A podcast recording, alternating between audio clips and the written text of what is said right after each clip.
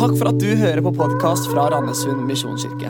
Denne talen er spilt inn på en av våre gudstjenester, og vår visjon er å hjelpe mennesker til tro på Jesus og et liv med Han. Gå inn på mkirken.no eller Randesund misjonskirke på Facebook for mer info.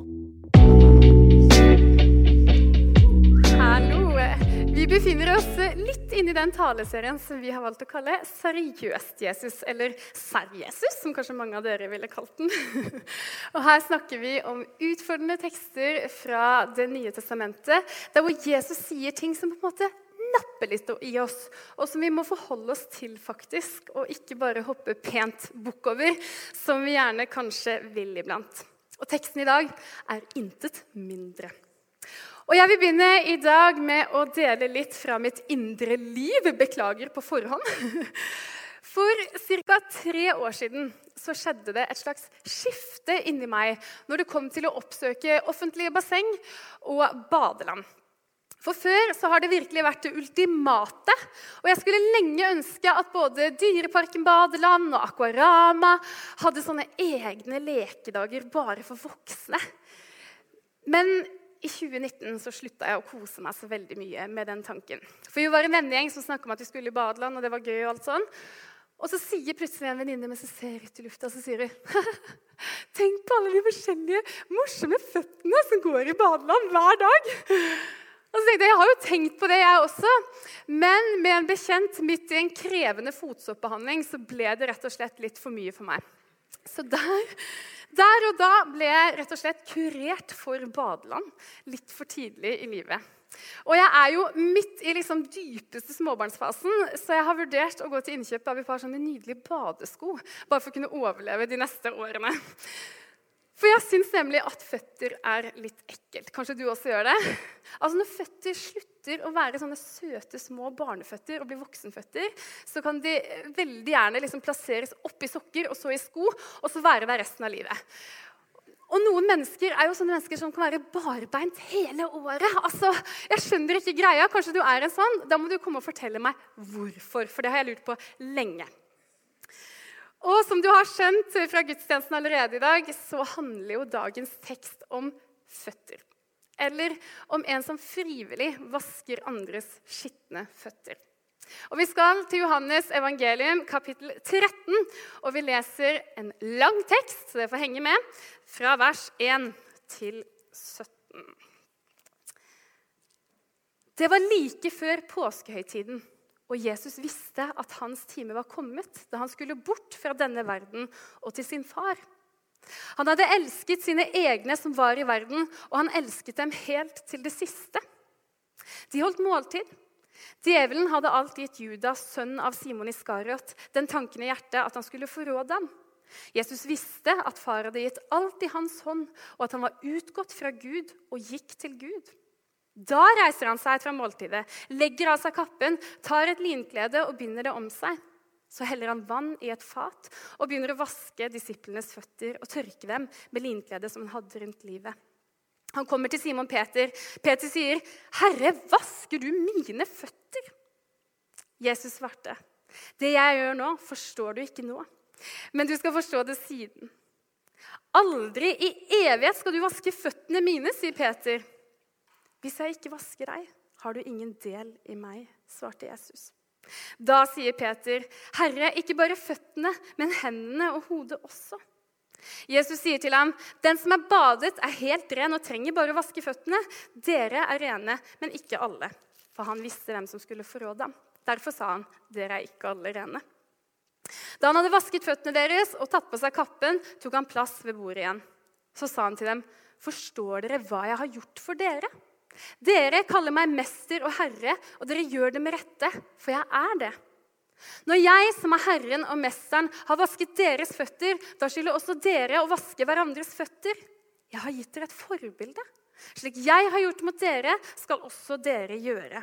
Sannelig, sannelig, jeg sier dere. Tjeneren er ikke større enn herren sin, og utsendingen er ikke større enn han som har sendt ham. Nå vet dere dette. Og salige er dere, så sant dere også gjør det. Jeg har lyst til å be en bønn før vi fortsetter. Jesus, takk for at du er her, midt iblant oss. Og hellige, gode Gud, takk for ditt ord til oss. Og takk for at jeg vender aldri tomhendt hjem. Må du åpne våre hjerter for hva du har å si til oss gjennom ditt ord, Gud. Form oss, dra oss nærmere deg, og la oss gå herifra ett steg nærmere deg, Jesus, og mer lik deg, Jesus. Det ber vi om i ditt navn. Amen. Denne teksten det er noe av det mest kraftfulle jeg leser i Bibelen. For Den kommer midt i en sånn slags hadetale, en stor hadetale fra Jesus til disiplene sine rett før han skal korsfestes og dø. Og midt i denne talen så skjer det noe skikkelig fint og symbolsk. Jesus vasker disiplenes føtter. Og det vi skal se på i dag, det er at denne fotvasken det er ikke bare sånn hyggelig, isolert handling fra Jesus der man bare viser oss litt hvordan vi skal være. Men det er en holdning som han ønsker at alle hans etterfølgere skal ha. Teksten vår starter med å peke på evangeliet. Det står at det er like før påskehøytiden, og vi vet hva som skal skje, gjør vi ikke det? Påsken, akkurat det året, skal påvirke resten av verdens historie. Og det står at Jesus også vet. Han vet hva som skal skje. Han vet at han har gjort det han skal, og at det nærmer seg hans død på korset. Men likevel er det akkurat som han, han stopper opp, og så tar han seg tid til å gjøre akkurat det fotvasken. Og så setter på en måte det tonen for resten av evangeliet. ikke sant? Jesu tjenende kjærlighet for disiplene og for resten av verden. Og Mens han vasker disiplenes føtter, så sier han det som gjør det til en sånn seriøs Jesus-setning for oss. Han sier, han sier, 'Når jeg som er Herren og Mesteren, har vaska deres føtter' Da skylder også dere å vaske hverandres føtter. Slik jeg har gjort mot dere, skal også dere gjøre, sier han. Vi skal også vaske føtter, uansett hvor ekkelt vi kan synes det er. Og Det betyr jo ikke nødvendigvis at det er bokstavelig, at vi skal sitte i marken med bøtte og håndkle. på en måte. Men handlingen Jesus gjør, er symbolsk for å bøye oss ned for vår neste. Og han viser oss at ingen, ikke engang Guds sønn, er unntatt å tjene andre. Og det er jo litt vanskelig å sno seg unna, er det ikke det? For det kjenner jeg at jeg så gjerne gjør. ikke sant? Skal jeg vaske andres føtter? Skal jeg virkelig krabbe for andre? I 2022, i år kultur, kan man kanskje litt sånn sleivete si, så tror jeg at det å tjene andre er et begrep som kanskje er litt sånn ukjent for mange. I verste fall så tenker man kanskje på en form for moderne slaveri. jeg vet ikke. I beste fall kanskje man tenker på dugnad, der man tjener et felles gode.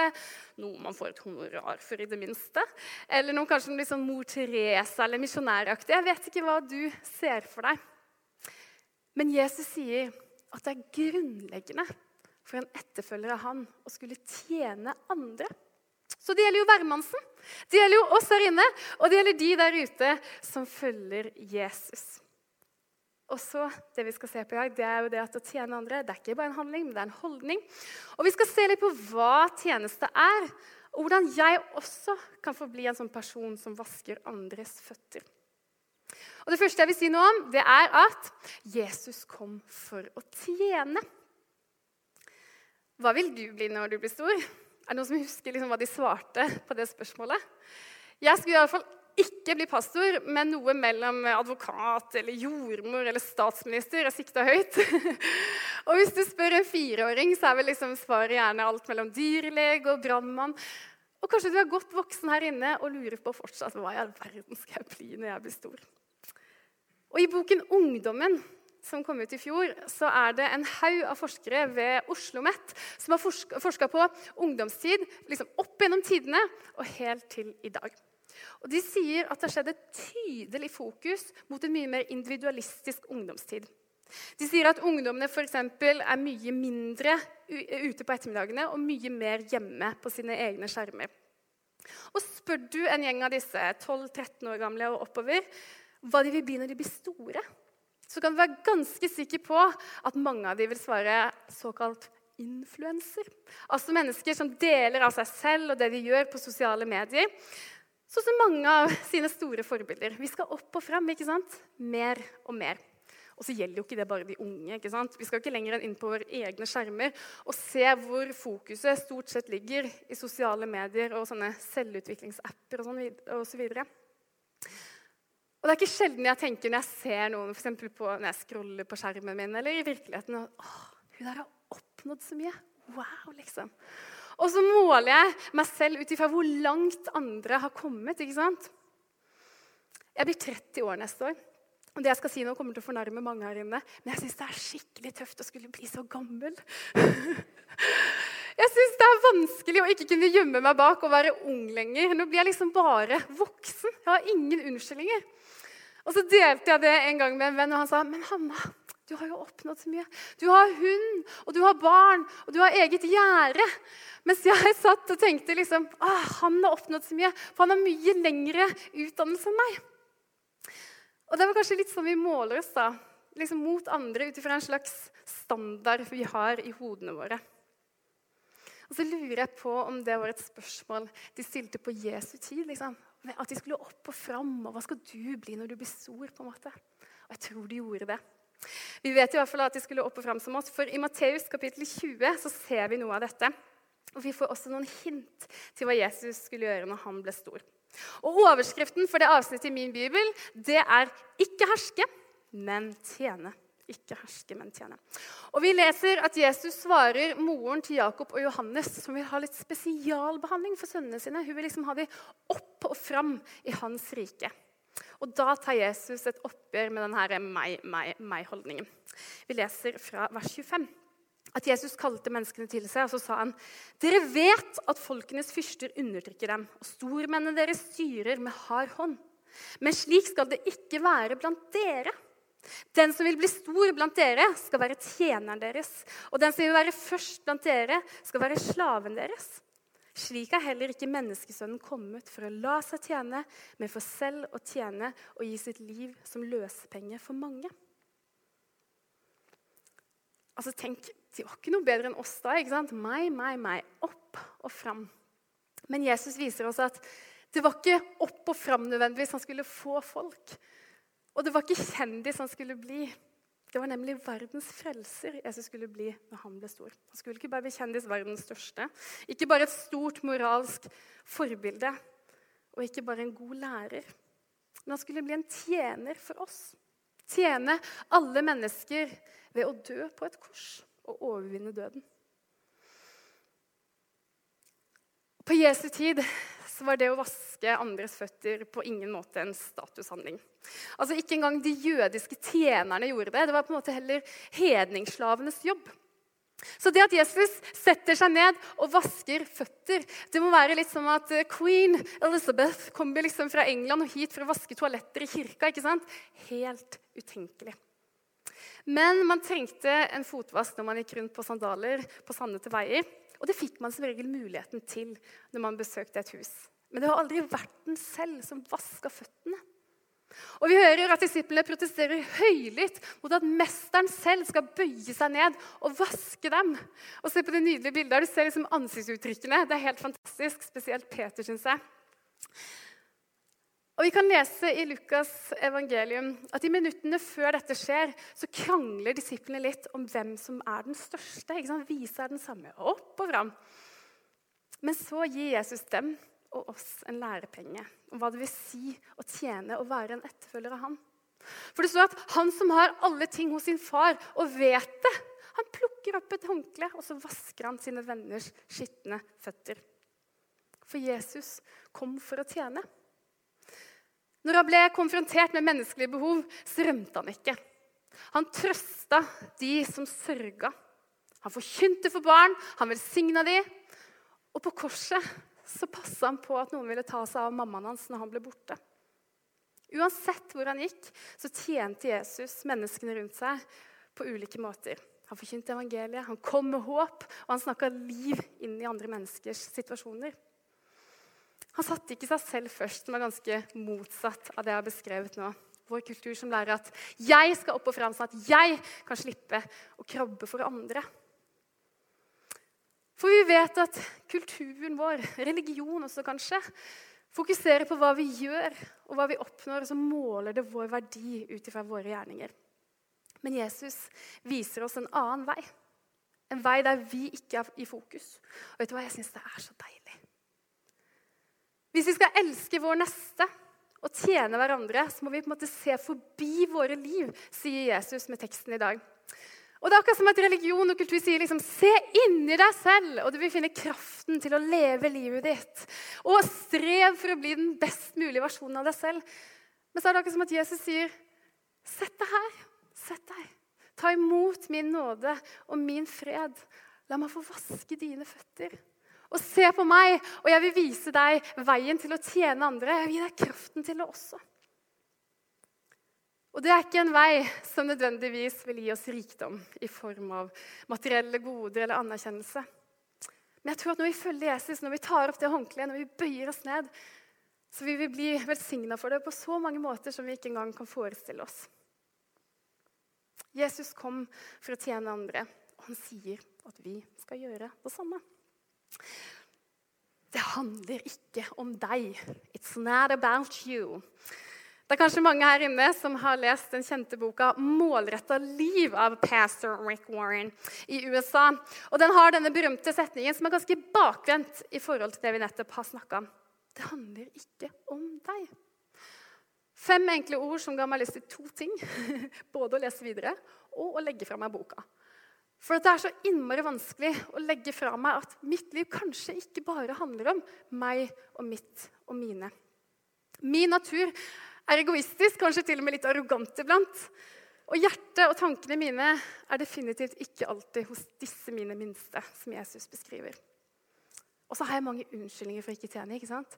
Jeg er for travel, jeg er for viktig, eller det var de andre sin tur nå. ikke sant? Og så vil jeg samtidig ha det godt og komfortabelt for meg selv. Og Jeg sa til eh, Jarle her en dag, hovedpastor i menigheten, at jeg syns det er rart å få betalt for jobben min. Og så sa han men Hanna, det kan vi gjøre noe med. Uh, og jeg fulgte ikke opp den videre, for å si det sånn. Vi vil ha det godt og komfortabelt for oss selv. Og det er på en måte litt til trøst og humor å se at disiplene er helt like både i dagens tekst og generelt.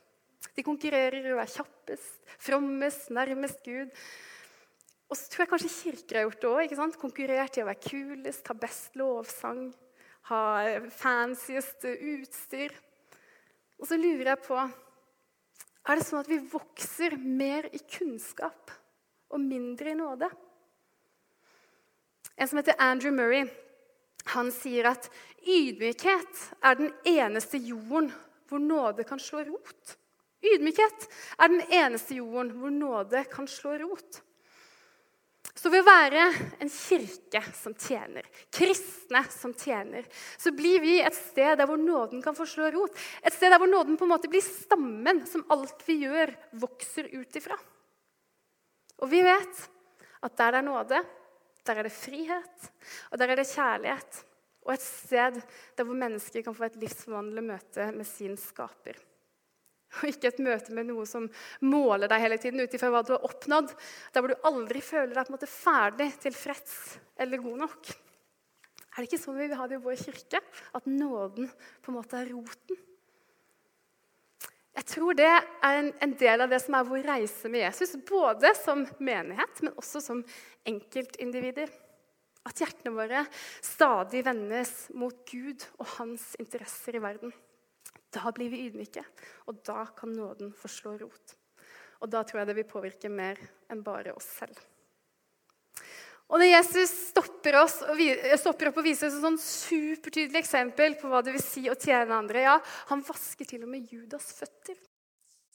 Streker det bare alt han sier til oss i Det nye testamentet, som vi har snakka om i denne taleserien, og som du kanskje kommer mer av også. Du er fra deg selv. Ta opp ditt kors. Den minste skal bli den største. Tjene, ikke herske.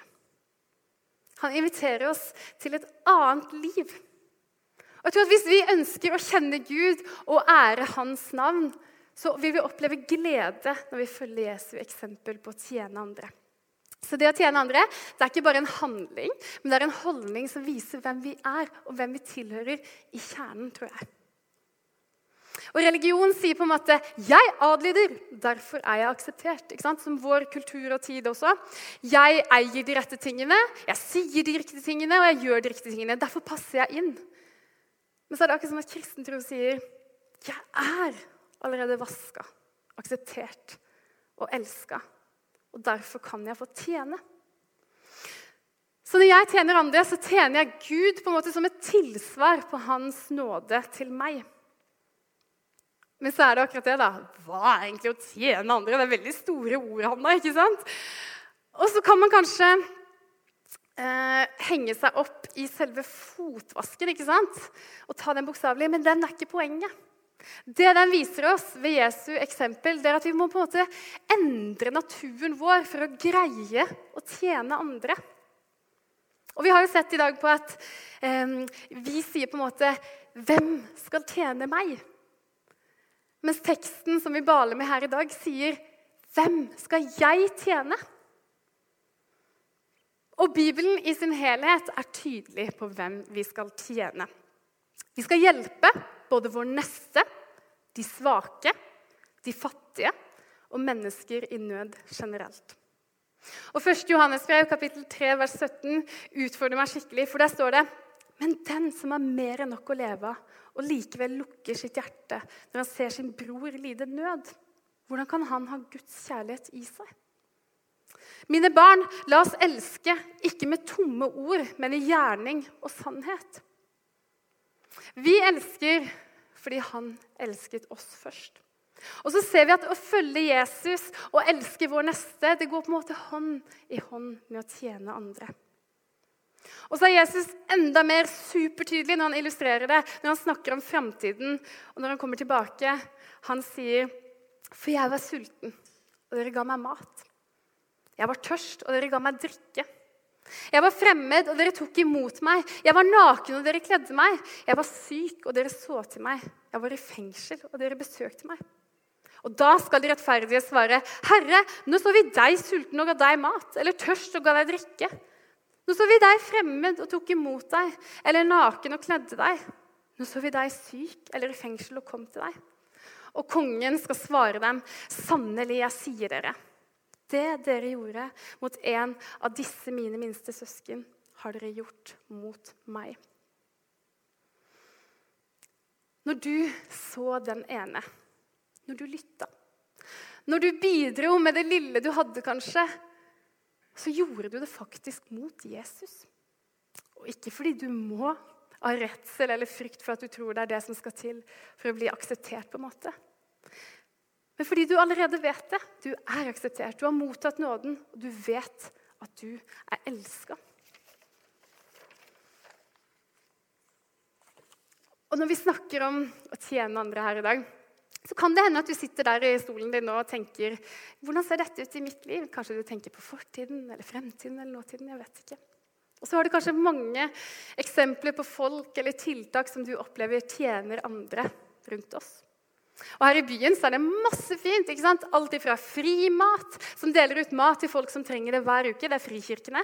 Philadelphia omsorgssenter med rusbehandling. Sjalam bruktbutikk, Barnas stasjon osv. Og hos våre venner i Grimstad misjonskirke så er det noe fantastisk som heter Rasteplassen. Er det noen som har vært der her inne? Jeg spiste lunsj der for noen uker siden, og for et fantastisk sted å være. Det er altså en gratis kafé som er åpen én dag i uka. Der hvor de gir ut gratis mat og matforsyninger og klær og andre ting til folk som trenger det. Og Det var altså så gøy å se klientellet, hvem som var der. Folk i alle aldre og livssituasjoner. Og staben i kirka og andre satt og snakka sammen og ble kjent. Et sånt nydelig eksempel på hvordan en kirke kan tjene andre rundt seg. Og Her hos oss også kunne vi sikkert hatt en taleserie med folk som har tjent og er gode forbilder på tjeneste. Og For et par uker siden så takka Inger Mikkelsen hun var her på forrige gudstjeneste, hun takka for seg etter en ganske lang og tro tjeneste. For å si det sånn. For siden 1990 så har hun vaska kluter og håndklær og mopper her i kirka hver uke siden 1990. Altså det er tre år før jeg ble født. For at vi skal kunne ta imot folk her i en ren og innbydende kirke. Og Inger er nå 88 år har pensjonert seg med god samvittighet. Og et sånn skikkelig forbilde på lang og trofast tjeneste for Jesus for meg. Og Her i menigheten så er det mange som har vært eh, åpne til å åpne hjemmene sine for fosterbarn, selv om de kanskje har flere barn selv. Folk som vurderer det. Det er folk som har brukt utallige timer på å tjene fattige søstre og brødre rundt i hele verden. Folk som har arrangert sommerleirer sånn at barn skal få noe å glede seg over. Og folk som har gitt utallige timer med tid og store summer med penger. Og kanskje du tjener her i kirka til vanlig. Nå har jo vi vært snart gjennom to år med pandemi. Håper det ble med de to årene. Og Vi merker på flere områder her i kirka at vi trenger skikkelig at folk blir med i tjeneste igjen. Så hvis du sitter og kjenner at kanskje jeg skal melde meg på et eller annet, eller kanskje det er min tur nå til å gjøre noe, så er du så velkommen. Hugg tak i meg eller noen av de andre pastorene her, så kan du være med på laget. Eller du, kanskje du tjener andre steder i samfunnet. Kanskje du tjener på jobb. Kanskje du åpner hjemmet ditt for hun venninna til sønnen din som du vet eh, har det litt vanskelig.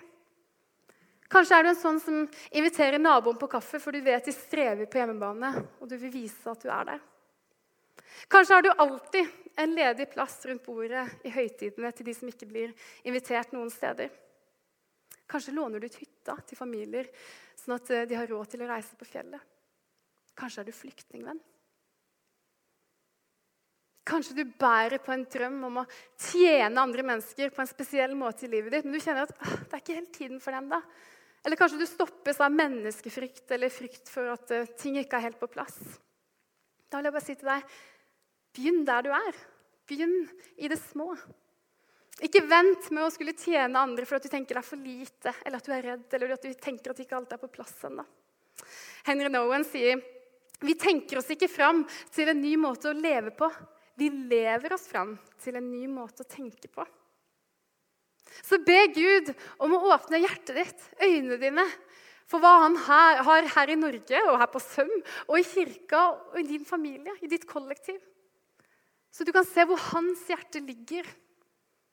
Da vil du kanskje oppleve å få sånne nydelige, hellige avbrytelser som kan bli en fantastisk anledning til å vise Guds kjærlighet i praksis.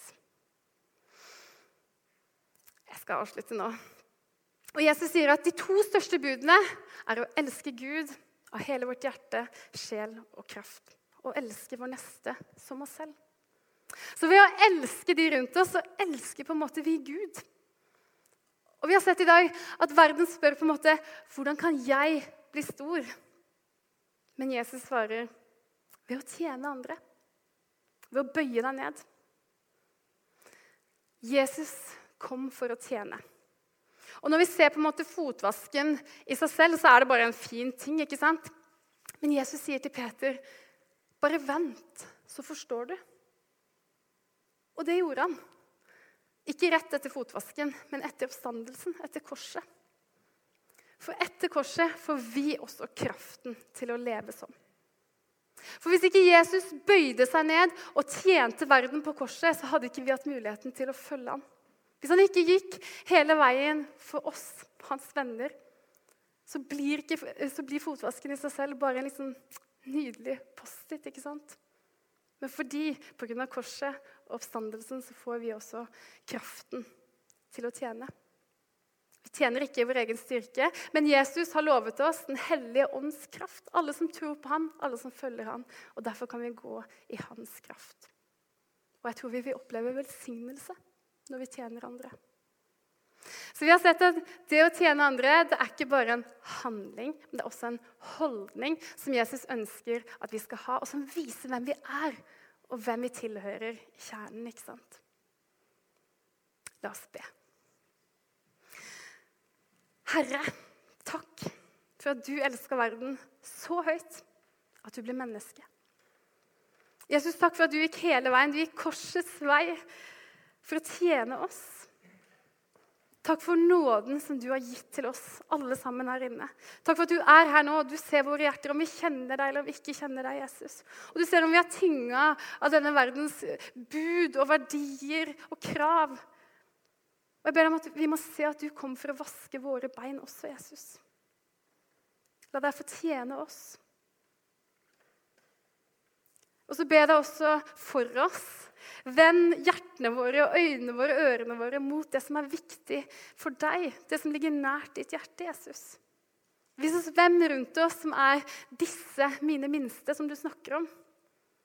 Og hjelp oss til å spre din godhet og din kjærlighet og tjene deg i våre liv, i våre familier, på jobb, der hvor vi er satt, Jesus. Takk for at du setter oss fri fra all menneskefrykt. Vær hos de som kjenner ekstra på det akkurat nå, Jesus. Sett de fri, Herre, så vi kan tjene deg frimodig. Og la oss aldri få nok med oss selv, Jesus, til bedre.